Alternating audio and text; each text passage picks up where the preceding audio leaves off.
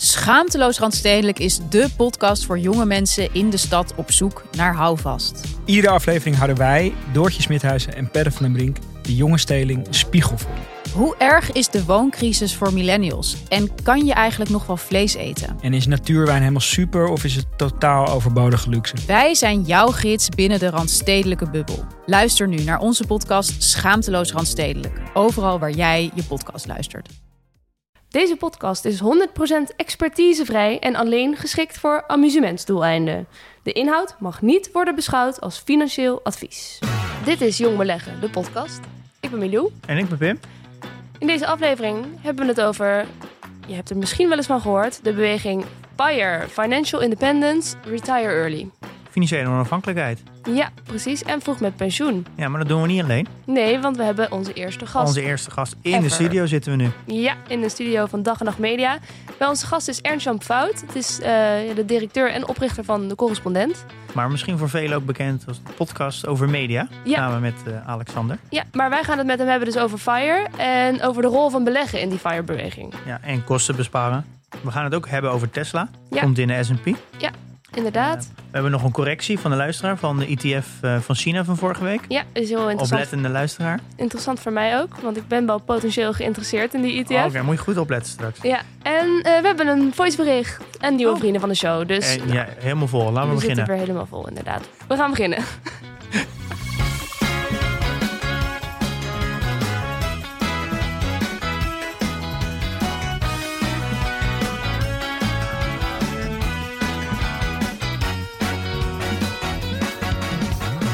Er zo fout, welkom. Hallo, Welkom. mooi dat ik er mag zijn. Wat een eer. Ja, nou gezellig dat je er ook wil zijn bij Ik ben ons. fan. Hoe is dit eigenlijk ontstaan tussen jullie twee? Tussen ons twee. Nou, ik, ben, ik was gewoon een fanboy. Ik, en ik heb jou volgens mij een berichtje gestuurd, Pim. Van zullen we een keer een kopje koffie drinken? Ja, dat klopt. Toen drie dagen niks anders gedacht. En toen kreeg ik eindelijk antwoord van je. En toen hebben we nog, toen het nog kon, een kopje koffie gedronken. Ja, je Ja. moet begrijpen dat Pim het heel druk heeft. Hij Ja. krijgt 100 mails per dag ongeveer die allemaal moet reageren. Ja, tegenwoordig word je via zoveel kanalen bereikt. Nee, maar heb je hem echt zo lang laten wachten? Nou, ik kan me niet herinneren. hoor. Zo voelt het misschien. Misschien Ja. was het drie uur. Het was gewoon zo spannend voor mij. Ja, ik snap dat. Ik snap dat. Had je ooit verwacht dat je in een podcast over beleggen zou belanden? Eh, nee, eigenlijk, eh, eigenlijk niet. Eh, zeker niet als je me twee jaar geleden had, eh, had gezegd. Dan al helemaal niet. En sinds een jaar, iets langer, anderhalf jaar beleg ik. Dus dan is het misschien wat logischer, maar nog steeds. Nou, jullie zeggen altijd 100% expertvrij. Dat ben ik ook. En ik ben een hele passieve belegger. Maar nee, het antwoord is eh, kort beklacht en nee, had ik niet verwacht. Maar jij bent in je leven wel al een tijd lang druk met geld. En hoe ga je daarmee om? Welke rol speelt geld in je leven? Ja, Hoe lang ben je daarom mee bezig? En waarom dan nu pas ook met beleggen een beetje over nadenken? Ja, ik denk zo ongeveer ehm, dat ik bijna 30 werd. Ik werd vader eh, toen ik 29 werd. En eh, daarvoor ehm, was eigenlijk altijd aan het einde van de maand mijn geld op. En eh, eigenlijk sinds mijn studententijd. En in de studententijd is dat nog logisch. Ik zat, stond achter de bar van een buurtcafé. En ik, eh, ik leende af en toe een beetje bij. Eh, dus dan is het logisch dat je niet uitkomt. Maar toen ik 29 was, had ik gewoon een eh, goede baan bij de correspondent. En ik gaf af en toe lezingen. Dus ik, ik verdiende bijna twee keer modaal.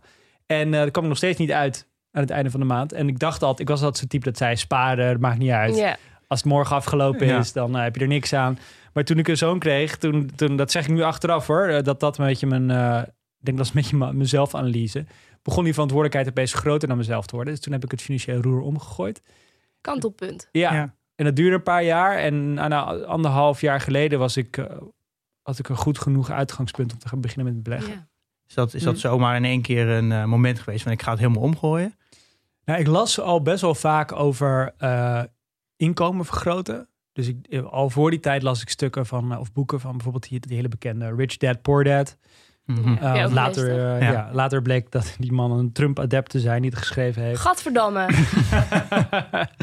maar eh, dat soort boeken, weet je wel. eh, echt de meest erg ook de Millionaire Mindset. Maar die gingen allemaal over het vergroten van je inkomen. En ik bedoel, daar was, dat, dat ging ook best wel goed. Dat, ik, ik had ook een aardig inkomen, maar daar schiet je natuurlijk niks mee op als, als het er ook vervolgens eh, Ja. net zo hard uitvliegt. Dus toen ben ik daarover gaan lezen. En eigenlijk van die eerst van die hele degelijke personal finance boeken. De onderhandel je verzekeringen, dat soort verhalen. Vond je dat niet ontzettend saai?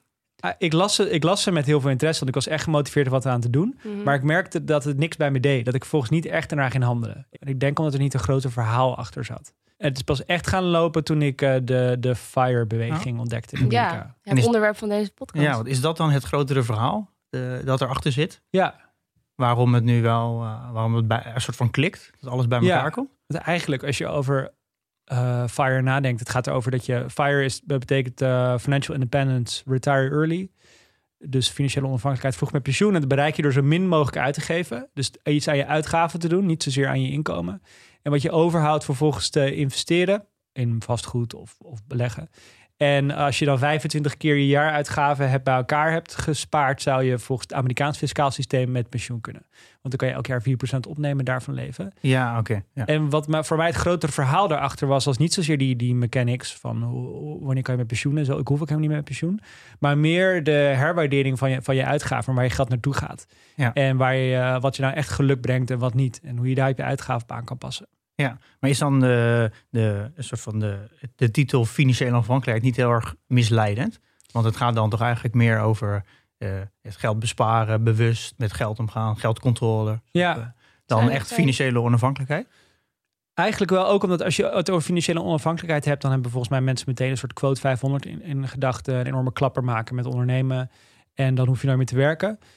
Ik heb het vaak over op mijn blog over intentioneel leven. Of over steeds vaker over financiële vrijheid in plaats van onafhankelijkheid. Ja. Want die onafhankelijkheid, dat hoeft voor mij niet, niet. Het is niet iets waar ik naartoe werk of wat me motiveert. Het motiveert me veel meer dat ik de controle over het geld heb. Ja. In plaats van dat het mij controleert. Wat ik me altijd afvraag bij die term financial independence, retire early, gaat het om dat allebei?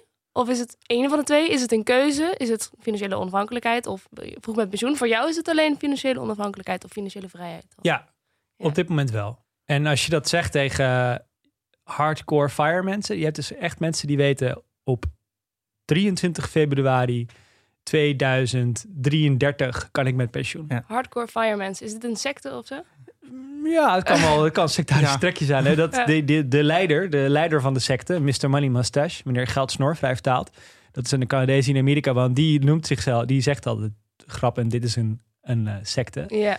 En, en er zijn ook documentaires gemaakt. En dan zie je, dan komen er van die fire mensen aan het woord. En dan staat daaronder, eh gaat met pensioen op die en die datum. Oh ja, Oh, precies. Ja, Een soort handtekening. ja. Ja. ik zou dat niet weten wat mijn pensioendatum is. Maar er wordt ook vaak de, de saving rate, dus het, hoeveel procent bespaar je elke maand. Dat Ja. wordt ook vaak erbij gecommuniceerd, toch? Dat je, Ja.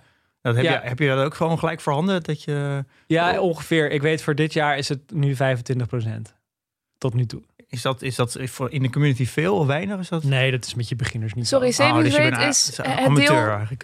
eh. dat is het deel van het inkomen dat je spaart. Van je netto inkomen. Ja, ja. En 25 procent. Ja, en ik reken dat volgens mij, er zijn heel veel verschillende definities van. De, wat je nu zegt is het in grote lijnen.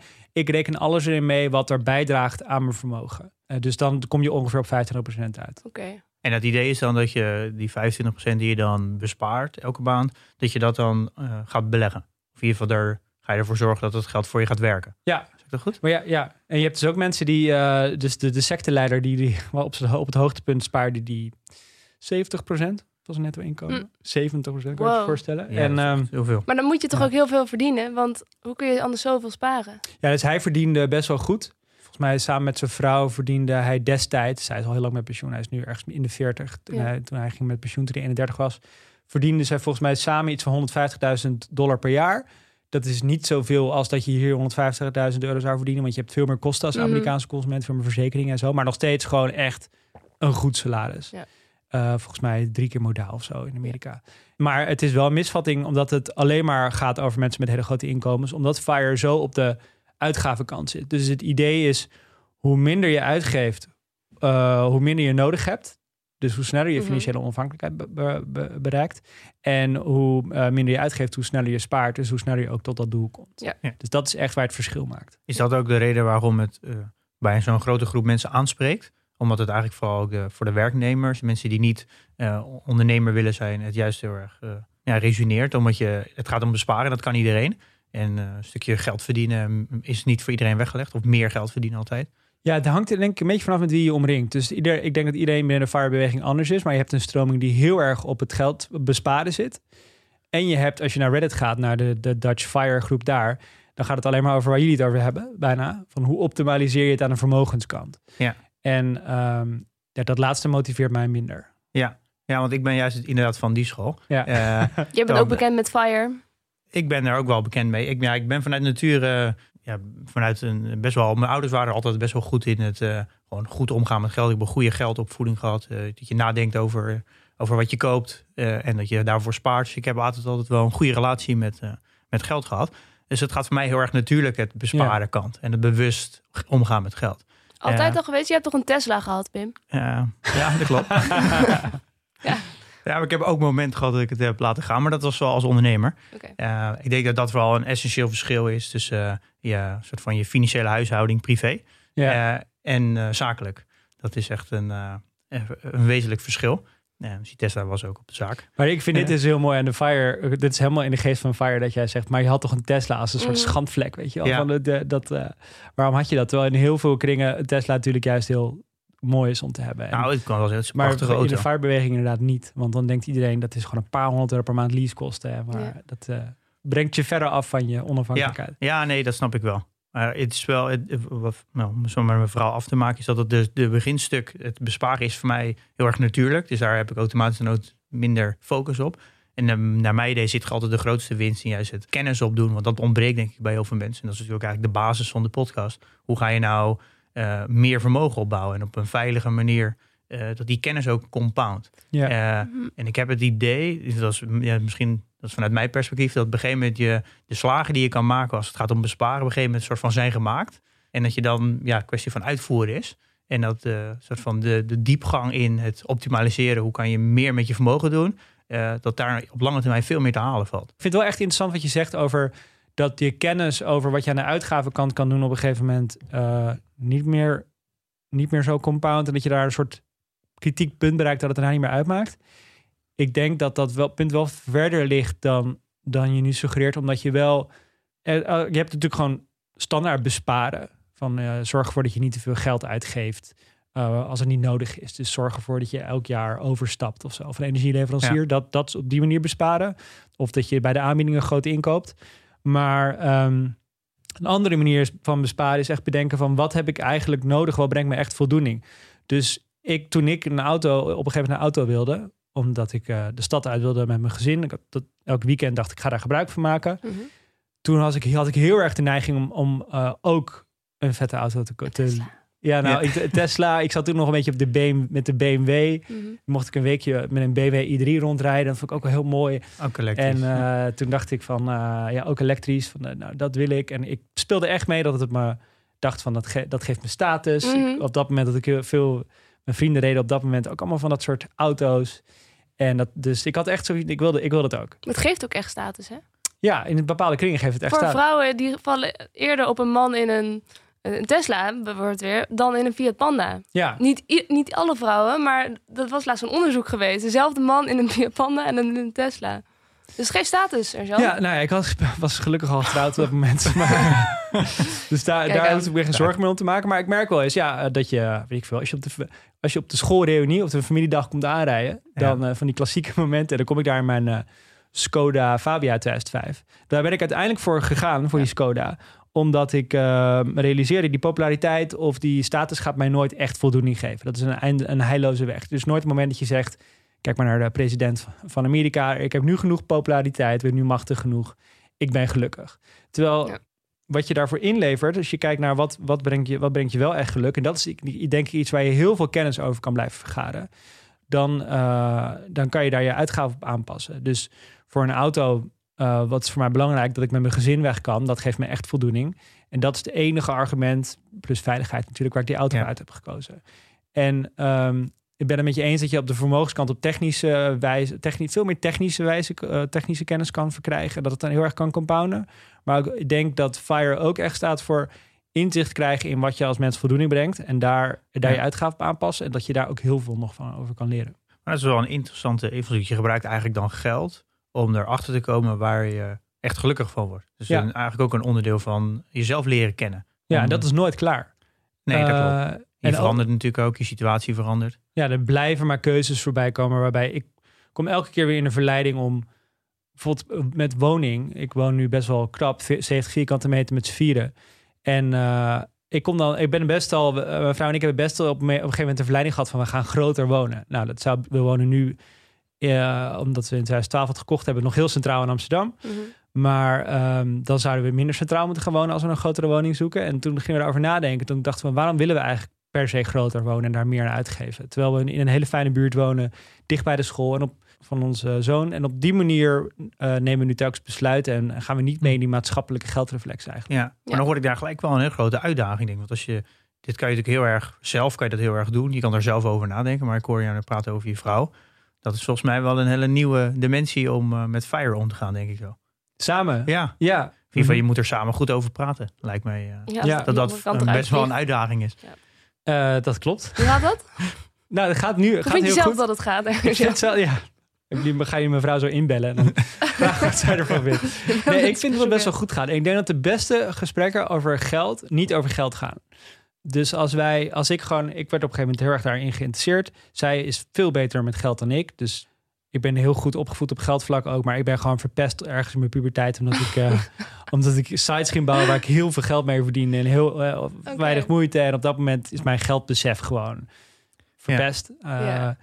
zij heeft, heeft daar nooit last van gehad. Dus zij was veel beter met geld. Dus ik, had, ik, ik sloot eh, op haar niveau op een gegeven moment aan. En op een gegeven moment wilde ik verder met Fire. En eh, wat ik heb gedaan is eigenlijk, dit is met, allemaal met eh inzichten achteraf, maar gewoon haar heel erg erin betrokken. En er is een documentaire gemaakt, eh, Playing with Fire. Hm. Niet echt een topfilm, best wel cringy hier en daar. Maar wat, het, wat ik er wel heel goed aan vind, is dat het, het de, deze vraag die je nu stelt centraal stelt. Dus hoe ga je hier met je partner mee om? Ja, Oh, goed. En er zit een oefening in die ik, eh, die ik iedereen kan aanraden. Dit heeft ons heel veel inzicht gegeven in wat willen we nou eigenlijk met Vertel. Ja. Ik wil het weten. Oké, komt-ie. Klinkt heel geforceerd, maar het is sowieso ontzettend leuk om te doen. Ook als je niet dit doel hebt. Het is ook gewoon leuk om met, eh, als je geen relatie hebt, om met vrienden te doen of zo. Eh, je pakt allebei een briefje en je, eh, schrijft, nou, je schrijft tien dingen op. Waar je, tien activiteiten die je op wekelijkse basis geluk brengen. Ehm, Hmm. Dat doe je allebei los van elkaar. Wat, wat er op mijn lijstje staat. Ik denk dat heel veel lijstjes overheen komen. Want mensen worden in, in principe eh, van de meeste dingen Ja, het geluk zelf. eh, vrienden om ja, zich heen, die inderdaad tijd doorbrengen Ja, familie, dierbaren. Ja. huisdieren. Eh, hobby's, dat soort dingen. Ja. Allemaal ingevuld. Ehm, en daarna lees je aan elkaar voor. En eh, kijk je waar de overlap zit. En vervolgens wat je vervolgens gaat doen, is dat je gaat kijken van hoe sluiten, lu- sluiten onze uitgaven hierop aan. Ja, oké. Dus wij hadden bijvoorbeeld, ehm we hadden destijds hadden we een eh, eh, vakantiehuisje, omdat we wonen dus vrij krap. Ja. En we wilden een tuin. En we dachten, we gaan we- elk weekend met die oude Skoda naar een vakantiehuisje waar we, eh, die we van familie konden huren. Dus wijn het kostte niet zo heel veel. Maar toch was toch, wat was het, 200 euro of zo per maand. ja. En ehm, die nergens op, van die, op geen van onze lijstjes stond... Stond dat vakantiehuisje? op, ja, op, op het platteland tijd doorbrengen. En wat er wel op allebei de lijst stond, was tijd doorbrengen met vrienden. Eh, of erop uitgaan, leuke dingen doen. Terwijl wij zaten alleen maar opgesloten in dat plattelandshuis zonder vrienden elk Ja. weekend. Dus toen dachten we van... eh, maar aan de andere kant, we waren natuurlijk, dat is natuurlijk best wel een spannende, spannend besluit. Ja. Ja, Want het comfort, als het iets moeilijk is, is het om aan comfort waar je aan gehecht bent, eh, naar afscheid van te nemen. ja. Dus ehm, Maar je bent er wel gelukkiger op geworden. ja, het was best een spannend besluit. Maar daarna, daarna heeft het ons meer, heeft het ons meer eh, vrijheid opgeleverd. En we zien onze vrienden nu veel meer. Ja. En, ehm, Zo Maar grappig, want er zijn heel veel, eh, heel veel mailtjes van, er staan vooral, we hebben over voornamelijk eh, mannen als luisteraars. Maar we krijgen nou, best wel vaak mailtjes eh, van hoe kan ik nou mijn vrouw betrekken bij het beleggen. hmm. Want ik luister heel veel, eh, heel veel naar de podcast, ik ben heel actief aan het beleggen, maar het lukt maar niet om mijn vriendin of mijn vrouw mee te krijgen. Ja, het is een hele mooie om, eh, misschien als een ja, soort van startpunt om, eh, Ga samen Inderdaad. eens een lijstje maken. ja, Ja. Maar dit, is, dit zijn dingen die je door de jaren heen bent gaan doen natuurlijk. Je moet ook ergens beginnen. Mhm. Ehm, en ik heb ook wel ergens gelezen in mijn voorbereiding voor deze aflevering... Ja.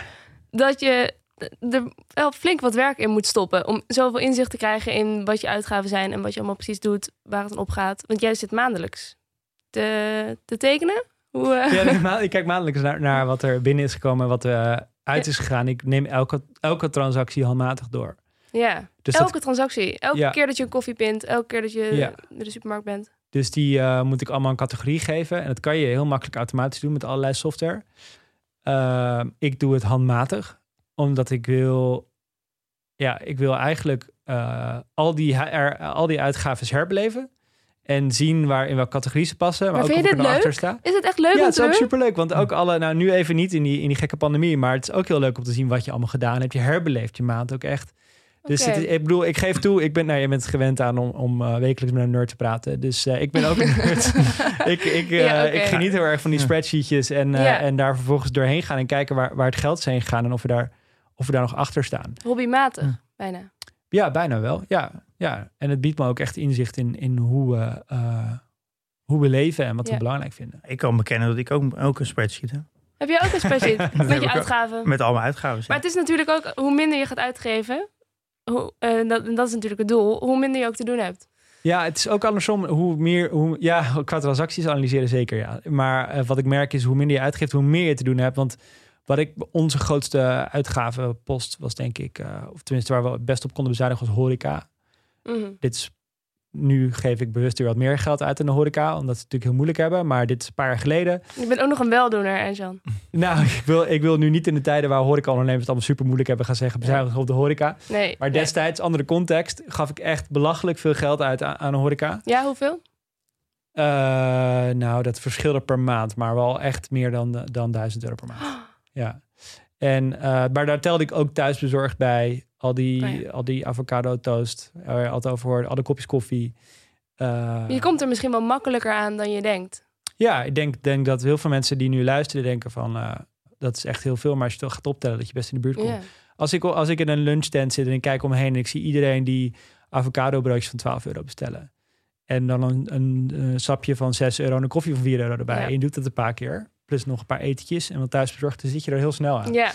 Ehm, eh, en dat, hoe kwam ik hierop? Oh ja, om, en heel vaak deden we dat. eh, ik, ik geniet echt enorm van, van uit eten gaan. En we doen dat ook nog steeds.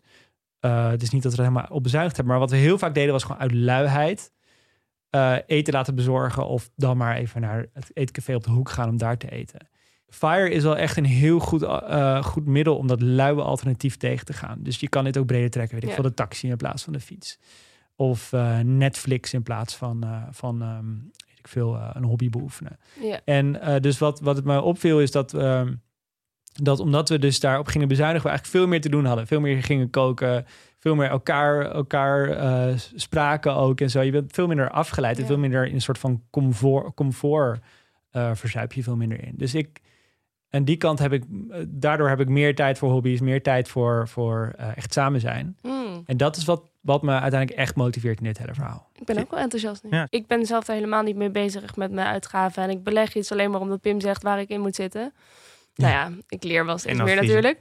Maar ik heb wel het idee dat ik al met 10-0 achter sta. Omdat ik gewoon niet van eh, me verdiepen in mijn eigen geldzaken hou. Eh, ik ben ook niet overzichtelijk gestructureerd. Ik heb dit allemaal niet. En ik zou het wel willen, maar ik zou niet weten waar ik moet beginnen. Ehm, Help me. nee, het klinkt een beetje triest, maar... Nee, ja, maar ik denk, ja. kijk, ik denk dat, dat uh, dus uh, Pim en ik lijken denk ik een beetje op elkaar. Mhm. Daarom wilde ik ook heel graag koffie met hem drinken. Maar uh, volgens mij halen wij ontzettend veel, buitensporig veel plezier uit dit soort systemen opzetten en Ja. organiseren. En gaat daar echt heel veel tijd in zitten. Maar ik denk dat wij het, um, het moment van de diminishing returns al wel voorbij, voorbij zijn. En volgens mij, als ik kijk naar bijvoorbeeld mijn belegkant, ik doe daar, het kost me nul, nee, geen tijd meer. Nee. Gewoon letterlijk niets. Ik moet één keer in het jaar herbalanceren en één keer in de vijf jaar mijn strategie heroverwegen. Dat Ja. is het. En aan de uitgavenkant, als ik daar, ik heb natuurlijk heel veel tijd erin gestoken om het te, te leren en, uh, en vervolgens mezelf ook dat gedrag aan te leren. Maar nu komt het neer op een avond per week dat we uh, bekijken. En, begint het met het in kaart brengen van je voor mij betreft wel, ja, want dan kom je erachter hoeveel er naar horeca Ja. gaat bijvoorbeeld. Ja. ja. Kunnen we daar iets op inzoomen? Je, je zegt, ik ga herbalanceren eh, één keer in, eh, in het jaar. Ja. Eh, hoe doe je dat? Nou, ik zit bij, ehm, bij Meesman. Eh, dus dat ik weet dat dat me dat ietsje meer kost dan eh, op, op, op, op mijn hele leven dan de Giro. Maar wat voor mij eh, dat de moeite waard maakt, is dat het mijn kans op succes vergroot. Ehm, dat als ik het handmatig zou moeten, als ik handmatig elke maand mijn aandelen zou moeten kopen, dan zou ik gewoon ruimte voor, voor fouten maken creëren. Of, Of emotie, ja. Ja, precies. Dus bij Meesman werkt het gewoon als volgt dat je, je, hoeft, je hoeft niks te doen behalve een keer, behalve te bepalen waar, welke, welke transacties je maandelijks wilt doen. Ja. En dan gaat het automatisch. Dus ik koop 80% eh, voor aandelen, aandelen 20% obligaties. En, ehm, dat, eh, en, el- en elk jaar herbalanceer ik dat dus. Ja. Is er, is er bewust, eh, kies je bewust voor obligaties? Ja, ik, wil- ik, mijn doel is, dit is mijn pensioenpotje. Want ik bouw zelf verder geen pensioen op. Hm. En eh, ik, wil- ik, ik doe graag volg gewoon de, het geëikte pad van defensief, passief beleggen je, eh, met een horizon van ongeveer 30 jaar. Dus dan weet ik in deze leeftijdsklasse, als je nu, dan is het verstandig om die verhouding ongeveer aan te houden. En dan vanaf mijn 40ste moet ik weer iets meer obligaties gaan kopen. Ja. En het is best frustrerend om te zien nu dat mijn aandelen uh, supergoed gaan. uh, sinds ik ben begonnen, sinds anderhalf jaar. En die obligaties is altijd een paar euro Ja. verlies. Ja. Ik ben wel van mening dat als je langer horizon dan 20, 25 jaar moet je geen obligaties doen. Eh, Oh, denk dat krijgen we financieel advies van dat, nou, dat vind, vind ik persoonlijk. Eh. Helemaal als we gaan kijken naar waar de obligaties, wat het überhaupt nog oplevert. En je ziet het effect wat de obligaties eigenlijk in het verleden had, heel erg een averechts effect op aandelen, dat dat effect heel erg aan het weg hebben is. Mhm. Want je zag het nu, corona, alles ging naar beneden, zelfs goud, obligaties, het hele het financiële systeem is aan het veranderen. Dat niet meer alles soort van contra is, maar dat het nu steeds meer beweegt. Alles beweegt in dezelfde, eh, gaat met hetzelfde ritme eigenlijk. Waardoor eh, de obligaties een veel minder effect hebben. Dus het dempen, dus ik heb zo destijds ben ik hiermee begonnen, omdat ik had geleerd eh, dat, je, dat ze een dempend effect hebben. Dus als er ooit een enorme correctie of een crisis, eh, crash is, dat dan de obligaties dat op mijn portefeuille gaan dempen. Is Ja, tegen je dat nou, het was eerst zelfs omhoog ging vaak. Ja. Eh, en dat idee was, ga je dan herbalanceren. Gaat je, als je aandelen naar beneden gaat, gaat je obligaties iets omhoog. Dan kan je het herbalanceren en dan koop je goedkoop aandelen en verkoop je wat duurder obligaties. Maar dat effect is langzaam een beetje aan het verdwijnen. Hmm. Eh, helemaal omdat obligaties bijna niks meer oplevert. Dat komt natuurlijk door de rente. Die regel van was vaak je leeftijd in obligaties, dat die wel vrij achterhaald is, denk ik.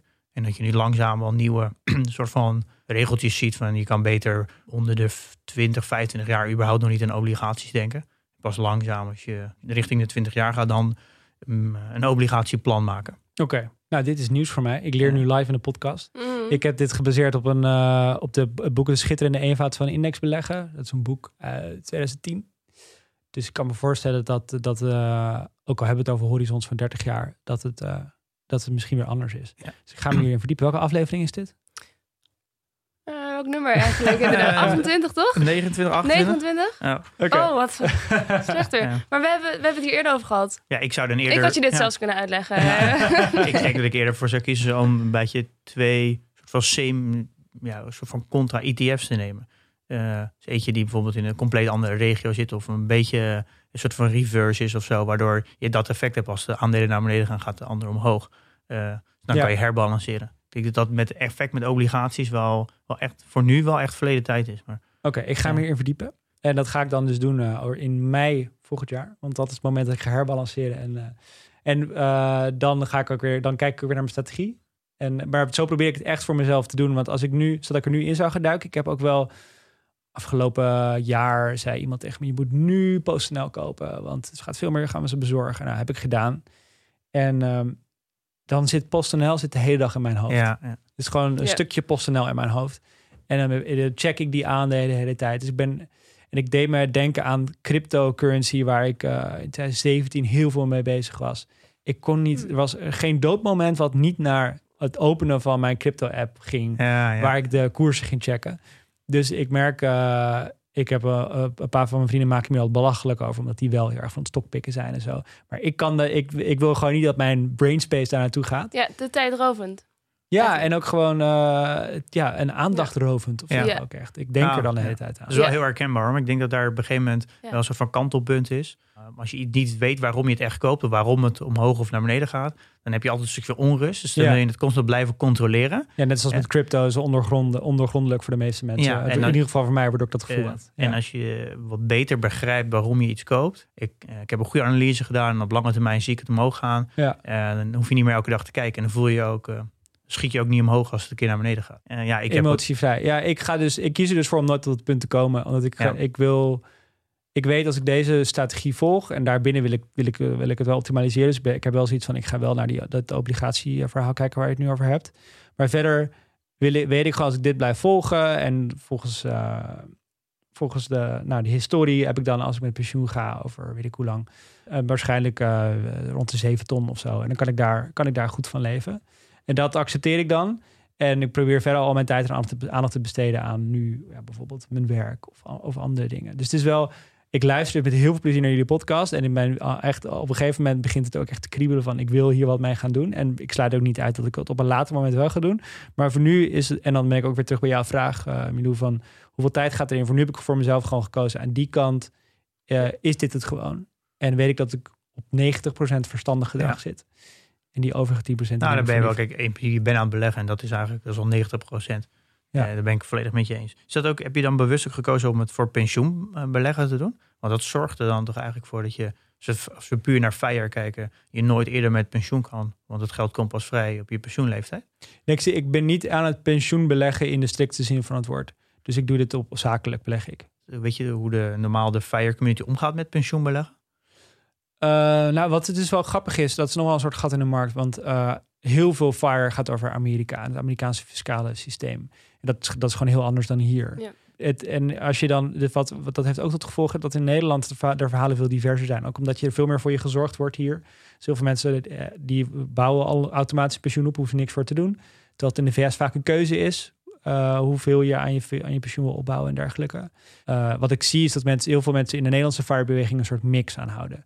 Dus die doen en pensioen beleggen omdat het fiscaal heel, heel eh, Ja. voordelig is. Maar die zien ook dat risico dat je daar niet bij kan. En ik, dus ik zie dat het in Amerika is het een veel simpeler verhaal. En hier zie je gewoon heel veel verschillende smaken. Ja, want daar krijg ik dan natuurlijk heel veel vragen over. Nee, je kan wel gaan pensioen beleggen, maar dan weet ik in ieder geval zeker dat ik nooit eerder met pensioen kan. Ja, maar ja, als ik niet ga pensioen ga beleggen, dan mis ik ook weer de fiscale voordelen. Ja. Ja. maar ik denk, dat, denk ook niet dat... Ik denk dat het ook goed is om zo'n mix te hebben. Dus je zou gek zijn als je die fiscale... Ik ga op een gegeven moment ook pensioen beleggen... omdat ik niet die fiscale voordelen wil laten liggen.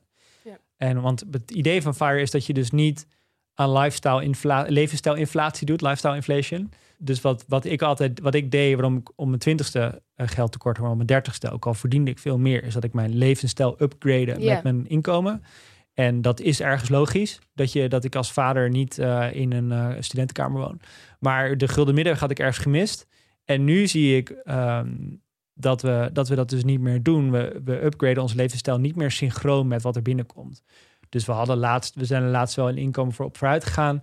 Veroorloven we ons een paar extra luxe dingen, een paar, paar extra upgrades. Maar niet het hele, wat, wat de grootste sprong heeft gemaakt, is ons, is ons spaarpercentage. Ja. Is dat eigenlijk niet echt de, de, de key van eh, financiële afhankelijkheid of FIRE, dat je niet doet aan lifestyle-inflatie? Ja, ik denk het wel. Ja, en dat je dat doet omdat je weet dat het een eigen soort van heilloze weg is. Ja. En dat bedoel ik met het grote verhaal daarachter.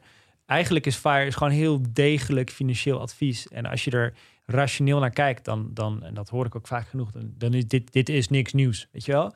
Maar wat er denk ik nieuw aan is, is dat die FIRE-beweging heeft een soort na groter narratief bedacht, waardoor nu honderdduizenden mensen, eh, ook uit vooral uit onze leeftijdsklasse, hier opeens mee bezig zijn. Dat ze opeens dat hele saaie financiële advies dat al decennia lang mensen er proberen eh, mee te geven, nu opeens populair is en, en een soort van ook een gevoel van empowerment geeft. Ja, het moet, denk me een beetje aan het, eh het huishoudboekje van vroeger. En Ja. het, eh, de zegeltjes uit de boekjes knippen. Eh, Dat is eigenlijk in, in grote lijnen wordt het natuurlijk doorgezet. Oké. Nou ja, je hebt ook een heel negen stappenplan geschreven. Die staat op je blog, toch? Hoe heet dat is de website ook weer? Eh, fout.com, maar Ja. ik, dat is best lastige achternaam. Dus je kan ook gewoon firegids.nl, dan kom je er Oh. ook. Oké. Ja, Ja. we doen ook even een linkje in, eh, in de show notes. Ja, daar komt wel een linkje. Want ja, om dat nog nog helemaal te bespreken. Ik weet niet of we daar Nou, tijd misschien voor handig hebben. om even nog eh, drie, eh, snel wel drie tips voor de, Ja, snel Eh, drie tips. Voor, voor de luisteraar. Snel drie tips. Oké, nou ik heb al die van de oefeningen al genoemd. Uh, als je nou uh, nog één keer over dat onderwerp van uh, er met je partner over praten, als je er dan over gaat praten en je wil, je moet die oefening natuurlijk ook inleiden. Je moet delen dat je, dat je over, over geld wil praten of over beleggen. Dan zou ik heel erg, nogmaals, niet over het geld zelf beginnen, maar over je motivatie. Dus voor mij was dat heel erg, ik wil meer zekerheid, veiligheid. Ik wil meer verantwoordelijkheid nemen. Ik voel me nu niet verantwoordelijk en voel me tekortschieten. Nou, da, dat is een heel ander gesprek met mijn vrouw dan ik Ja. wil, uh, weet ik hoeveel euro gaan besparen elke Ja. maand. Random tip 2. Even, even denken. Ja, begin met uh, inzicht krijgen waar je geld ja. heen gaat. Je kan bij elke bank kan je gewoon je transacties exporteren in een CSV-bestand. Die gooi je in Google Drive, converteer je naar een spreadsheet en dan ga je ze gewoon door. Easy. Ja. Ja? En dan zie je waar je per maand je geld heen gaat. Het Ja. kost je per avonden. Zie je het gewoon als een mooie manier om uh, dat gekke jaar 2020 te her, her te beleven. Ja. Ehm, en dan de volgende stap is dat je targets gaat geven. Zodat je zegt max uh, zoveel geld per maand aan boodschappen. En Ja, en, dat, en daar, dus je hebt mensen die heel strikt budgetten aanhouden. Dus mag maar 800 euro naar boodschappen of maar 400 euro naar boodschappen. Eh, wat, wat ik nu, wat me nu goed voor mij werkt, is eh, ik moet wel weten wat ongeveer die posten zijn om tot een soort budget te komen. Maar ik heb nu gewoon twee rekeningen. Eén vaste lastenrekening, uh, twee betaalrekeningen heb ik het dan over. En de andere betaalrekening is gewoon losse uitgaven. Dus van kleding tot horeca tot boodschappen. En ik weet, daar gaat elke maand x bedrag op. Als het op is, is het op. En dan gaat natuurlijk allemaal geld meteen, zodra we salaris, onze salaris binnenkomen, naar spaarrekeningen. Ja. Dus mijn derde tip samenvattend is automatiseer dat soort dingen. Ja. Zorg ervoor dat het allemaal automatisch naar de juiste potjes gaat. En zorg gewoon dat je één rekening hebt waarvan je weet, dit kan ik uitgeven. En als het op is, is het op. In plaats van dat je meteen heel erg op specifieke budgetten gaat zitten, krijg je gewoon een beetje gevoel voor hoe kan ik in de maand, hoeveel kan ik nog uitgeven. Ja. Dit spreekt me wel aan. Ik doe dat ook, eh, verschillende rekeningen Ja. voor. eh, Ik niet. Ja. Ik ga het wel doen. Denk echt. Waarom niet? Dat is kleine moeite lijkt Ja, me. het is misschien om een brugje naar beleggen te maken. Als je bewuster gaat leven en ook meer weet waar je geld naartoe gaat, dan kan je natuurlijk uiteindelijk meer gaan beleggen. Ja. En dat is natuurlijk het, eh, Ja. misschien het, het, het bruggetje in deze podcast. Ja, Ja, inderdaad. precies. Ja. Oké, ehm, heb je al gehoord over onze portfolio dividend tracker? Nou, ik heb daar zeker van gehoord. Want ik heb zelf ook een podcast. En eh, wij zitten bij hetzelfde platform, Vriend van de Show. Podcast over media. Ja, en eh, wij waren daar altijd, gingen we daar best wel, uh, nou zaten we in de kopgroep van uh, qua aantal vrienden van de show. En Mhm. jullie hebben ons verpulverd. Oh. In stof achtergelaten met jullie uh, hele dividend tracker uh, verhaal. Ja, ik ben elke keer dat we opnemen een kwartier bezig met het oplezen van alle namen die er inderdaad bij zijn gekomen. Nee, dat is overdreven. Uh, ja, nou, het is tijd voor de update. Dat was uh, waar ik naartoe wilde. Pim, wat heb je gedaan? Ja, nee, we hebben, we hebben weer, een, uh, weer een mooie update. Ben, als je de, vanuit de Giro je transacties importeert, dan laat natuurlijk gelijk je portfolio. Dan zie je al die holdings. Mhm. Mm -hmm. maar je ziet eigenlijk niet hoe die transacties worden geïmporteerd en welke je in het verleden hebt geïmporteerd en of we een, uh, dat aandeel ook hebben. Dus we hebben nu een overzicht gemaakt van al je transacties. Dus je kan ook door al je transacties heen scrollen. We zien dan hoeveel aandelen je hebt gekocht van een bepaalde holding. Ja. En we laten ook zien of we dat aandeel al in ons systeem hebben. Het past wel een beetje in het bankafschriftverhaal eigenlijk. Nou ja, eigenlijk exact. We geven inzicht in al je transacties. We labelen het en we, maken, ja. we geven het visueel heel mooi weer. Um, het kan dan wel zijn dat er soms ETF's zijn of specifieke aandelen die net de beurs zijn die we nog niet hebben. En dat laten we dan daar mooi zien en dan kan je dat uh, in de community aangeven dat we dat aandeel nog niet hebben. Um, dus dat is een, uh, een, meer een update voor het inzicht eigenlijk. Ja. Uh, en we gaan hierna bezig met de dividendoverzicht. Dus een mooie visuele weergave van je dividendinkomsten. Nou, daar wordt heel veel naar gevraagd. Fantastisch, Pim. Heel goed. en ja, we hebben inderdaad weer een paar nieuwe vrienden erbij gekregen. Leonie, Carlo, Pim, Thijs, Laurens, Paul, Vincent, Freek, Twan, Niels, Remco, Wouter, Thomas, Tom, Jeroen, Bas, Lotte, Daan, Linde, Esther, Pim, Rick, Ilke, Danny, Joost, Evert, Julia, Eduard, Sabine, Sander, Simone, Peter, Arnold, Johan, Paul, Jeroen, Marcus, Chris, Twan, Justin, Tom, Nicole, Jonathan, Maarten, Matti, Ascher, Allard, Chris Piet, Robert, uh, Boris, Barber, Suzanne, Pim, Jesper, Daniel en Arnoud. Is dit allemaal in één week? Ja. Mijn hemel. Wat, hoeveel mag jij erop lezen? Nou, uh, 15 geweldige namen. okay. ja, het gaat niet om de aantallen. 50 zoals bij jullie. Maar gefeliciteerd met jullie oh, community. Allemaal. Dankjewel. Dankjewel. En ja, leuk dat jullie erbij zijn, jongens. Welkom. Ja, het is, wel, het is wel heel leuk. We gaan, ja. Iedereen die gaat dan de, de portfolio dividend tracker in, maar ook de community. En daar praten we natuurlijk over het product, maar ook over beleggen. En, uh, het is heel leuk om te zien dat iedereen um, ook analyses begint te delen en elkaar feedback begint te geven over. Ja. Hey, heb je dit al gezien of moet je dit artikel lezen? Uh, en volgende, er is een heel mooi artikel gedeeld en daar gaan we het volgende week over hebben. Dus uh, vanuit de community. Oké. Okay. Dus, oh, die komt uit de community. We gaan nu ook steeds meer uh, de community ja. in, uh, in de podcast ja. ja. verwerken. Ja, dus daar wil je bij horen. Luisteraars. um, dan gaan we naar het nieuws. Pim, je had een, een leuk nieuwtje gevonden. Namelijk dat uh, de Tesla wordt opgenomen. Een Tesla, dat is een Tesla-uitzending. Een uitzending, aflevering. Uh, die, die wordt opgenomen in S&P 500. Ja, dat klopt. Dat is, uh, zou eigenlijk al eerder gebeuren. In, denk ik, uh, toen de kwartaalcijfers van Q2 kwamen in Q3. Toen had Tesla vijf kwartalen achter elkaar winst gemaakt. Dus dan, is het, dan kan je de S&P. Er zijn heel veel voorwaarden. Je moet zo groot zijn. En, maar de belangrijkste voorwaarde is dat je vijf kwartalen achter elkaar winst moet maken. Dus ze waren toch ook al wel groot genoeg eigenlijk om uh, daarin nou, te ze zijn zitten? heel erg groot. Dat komt volgens mij binnen als bedrijf nummer 6, 7 van Ja. 370 miljard. Uh, en dit gaat nog wel een, een effect hebben. Uh, er zijn heel veel passieve ETF-beleggers. Uh, die beleggen in een ETF en dat, die bootsen eigenlijk de S&P 500 na. Uh, maar de Tesla komt erin met een waarde van 370 miljard. En het is, het is een index dat gebaseerd is op de waarde van het bedrijf. Dus Tesla komt gelijk binnen met 1,1% van de, S&P 500. Dat is veel. Dus dat betekent dat er vanaf 21 december eigenlijk alle ETF's een herweging moeten doen.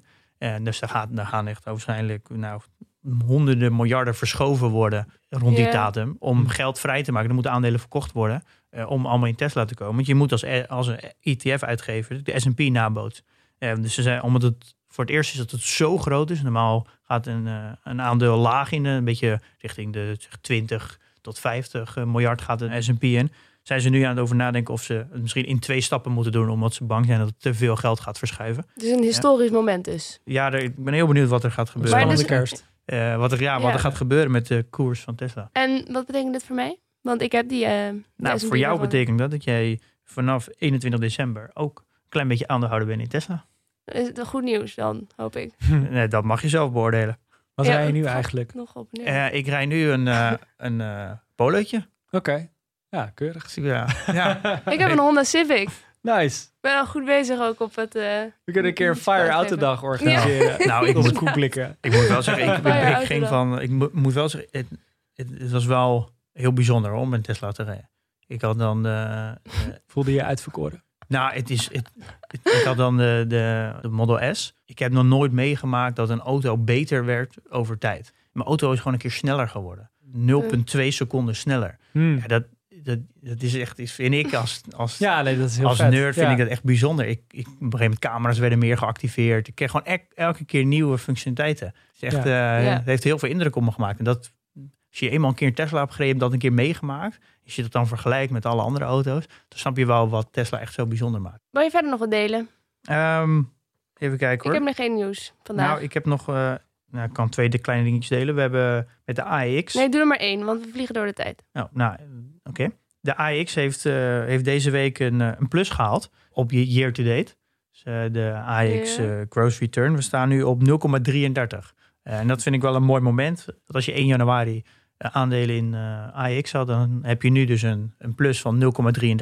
Mhm. En dat is een beetje alsof, je, alsof er niks gebeurd is. Het is eigenlijk gewoon compleet de ja, coronadip. Is, en hoe we er nu Hmm. voor staan, is gewoon volledig weggevaagd. Maar als Ja. we een... ehm, als het bijvoorbeeld 2018 was geweest en er was geen corona geweest... dan hadden we waarschijnlijk een grotere plus gehad. Dus ja, het is er niet geweest. Nou, wat, waarom ik dit zeg, is dat het best bijzonder is. Na zo'n diepe crash eh, van ongeveer 30, 40 procent heb je normaal eh, echt wel een paar jaar voordat het weer op het normale punt zit. Oké. Eh, en we zitten dus nu nou, zeg, zes, zeven maanden verder en we zitten alweer in een plus. Het is echt uitzonderlijk. Maar zijn jullie zenuwachtig over dat er nog al kan gebeuren? Dat het nog... eh, dat, het, dat er alsnog een correctie komt? Ja, ik wel. Nou, nee, niet. eh, nee. Waarom niet dan? Ik heb, nog nooit, ik heb er niemand in de afgelopen maanden zo rustig hier antwoord op zien geven als jij nu. Nee. ja. Nou, Waarom nee. denk je van niet? Nou, ik denk, ik denk zelfs dat volgend jaar misschien een, een van de betere beursjaren gaat worden. Ik zie, nou, ja, ik, zie, ik zie geen echt signalen dat het flink naar beneden gaat. Volgend jaar zal corona eh, waarschijnlijk volledig de wereld uit zijn. Of in ieder geval wel in de westerse landen. Ik denk dat dat eh, voor zoveel euforie gaat zorgen. eh, dat we dat jaar winnend gaan afsluiten. Dat, En eh, speelt het vaccin een rol in deze analyse? Of als we geen vaccin hadden gehad, dan was je wel iets minder enthousiast geweest, toch, denk ik, over volgend jaar. Ja, en dan eh, had ik die uitspraak minder goed kunnen doen, omdat er Ja. dan een heel hoop onzekerheid is. Maar ik denk nu dat het eh, volgend jaar een prima jaar gaat worden. Eh, met- Dankzij vaccins en Biden. eh, ja, ook. En ik denk ook de lage rente. Oh. Eh, ik denk dat de komende, nou ja, ik denk vijf à tien jaar, ik, rente moet je altijd denk ik maar uitkijken en over currencies en economie, maar ik denk dat het heel lang nog laag gaat blijven. We hebben zoveel schulden in alle westerse landen gekregen. Dus als je rente omhoog, dan gaan de schulden omhoog. Dus eigenlijk de enige reden om je schulden naar beneden te krijgen zonder pijn te lijden, moet je inflatie hebben. En de rentes, die, gaat echt, die zie ik echt niet omhoog gaan. Nou, als er geen rentes zijn, eh, laag blijven, dan ga je ook niks krijgen op obligaties. Dan geld moet naar groei. Ja, waar zit dan groei? In aandelen. Gewoon de waarderingen die we normaal gaan zien voor aandelen, die vroeger altijd een beetje 15 koers-winstverhouding, dat we dat langzaam een beetje los gaan laten en eh, een nieuwe standaarden gaan maken hoor, denk ik. Ik loop helemaal monter naar buiten zo. Ja, Ja, dat. Kan ik je af en toe bellen als ik het even niet meer zie zitten? Ja, nee, ja. Maar ik hou, ook van, ik hou ervan om ook positief te zijn. Dat is ook makkelijk. Als je een horizon hebt van 30 jaar, dan kan je Ja. ook lekker, al- lekker positief blijven. Ja, dat merk ik ook wel. Toen die, toen die crash begin het jaar plaatsvond, toen had ik zoiets van ja, voor mijn aandelen maakt dit niet uit. Want ik zit er toch 30 jaar in. ja. Ja, ik vind het een, zo'n rustgevend gevoel. Ja. Ja. Reviews? Nee, eh, Of wou je nog iets zeggen? Oh ja, sorry, portfolio. portfolio. Ja, ik heb geen transacties gedaan. Wel dividend weer ontvangen eh, van zeven verschillende bedrijven. Eh, en vooral volgende maand wordt het echt, eh, dat is mijn topmaand, december. Oké, Eh, dan, dan komt Sinterklaas. ja, dan verwacht ik denk ik toch wel zo'n 500, 600 euro dividend. Dat is mijn, mijn beste maand. Ja, Eh, en ik zit nu op 174.500. dat is meer dan ooit. Dus dat is weer een ATH'tje. All-time high. Gefeliciteerd. Ja, ik zit hier ook altijd te feliciteren, want fantastisch. Oké, leuk. Lekker bezig.